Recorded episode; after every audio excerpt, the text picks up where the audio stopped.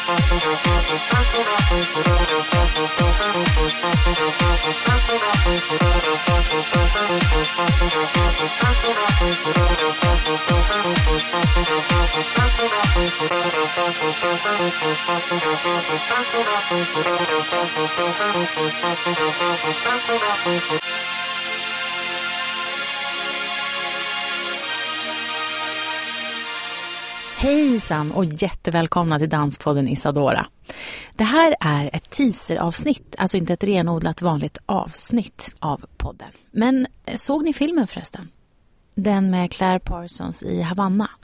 Okej, om ni inte har gjort det så måste ni gå tillbaka och göra det och komma tillbaka hit sen så ska jag berätta en sak. Så, Claire Parsons är alltså den kommande gästen i podden eller i ett av avsnitten framöver.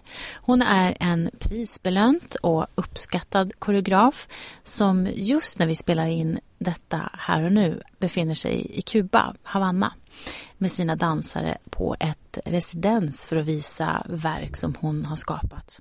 Och verket som jag tänker allra mest på heter Marmelad och är skapat för tvååringar upp till sex års ålder. Hur är det egentligen att göra dans för riktigt små barn? Det vill jag verkligen fråga henne. Hur fångar man intresset? För jag som själv har suttit och sett Kungliga Balletten framföra Nötknäpparen med mina barn ända från tre års ålder och det är samma visa varje år, vet hur tveksamma de är alldeles, alldeles för tidigt och hur de efter några så här godismutor ändå somnar såklart långt innan man har kommit in eller ens halvvägs in i berättelsen. Så jag undrar verkligen hur hon gör, Claire Parsons. Hon som får barn och säger att hennes föreställningar är så bra så att de svimmar.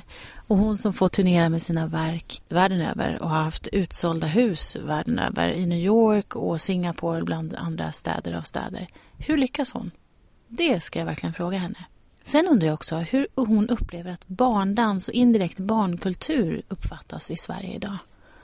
Jag kommer ihåg att jag skrev en uppsats när jag pluggade kulturvetenskap för några, nej men ganska många år sedan. Men den handlade just om barnkultur. Jag hade inte egna barn då, men jag var jätteintresserad eftersom mina syskonbarn var små och så var jag i ett förhållande där min kille hade små barn.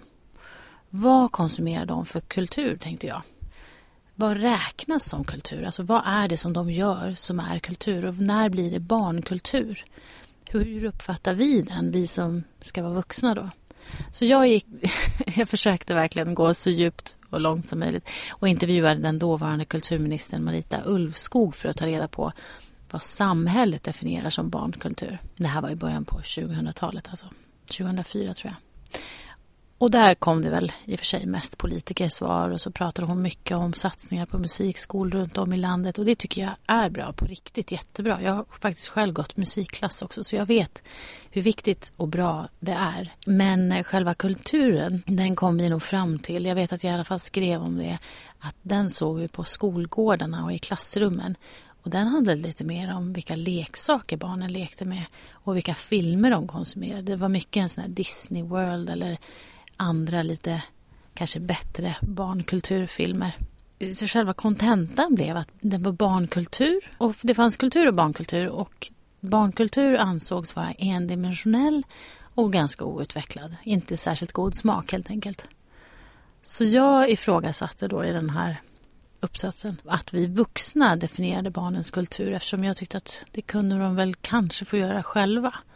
Vilket min lärare inte var särskilt road av. Och hon tyckte att det var ganska enfaldigt att mena att barn skulle definiera kultur själva.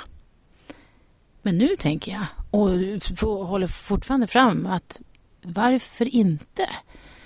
Jag, jag fick slåss om att, eh, att få förhöra fram den här åsikten och att den inte skulle sågas helt. Nej, men jag undrar så här, varför inte? Varför kan inte barn få definiera sin kultur själva? Vi på Danspodden, både jag och Niklas, vi gillar framtiden och det som händer där framme. Och barnen är en utav de nycklarna dit. Så därför spanar vi gärna på platser där de befinner sig. När Clara Parsons kommer till oss ska vi verkligen djupdyka med någon som har erfarenheten och kunskapen och det ser jag jättemycket fram emot. Men fram tills dess så vill vi rekommendera er att gå och se en dansföreställning, gärna en barndansföreställning. Kultur i dess högsta form. Nu är jag färdig med det här, så kram från oss till er och vi hörs alldeles strax igen. Hej då!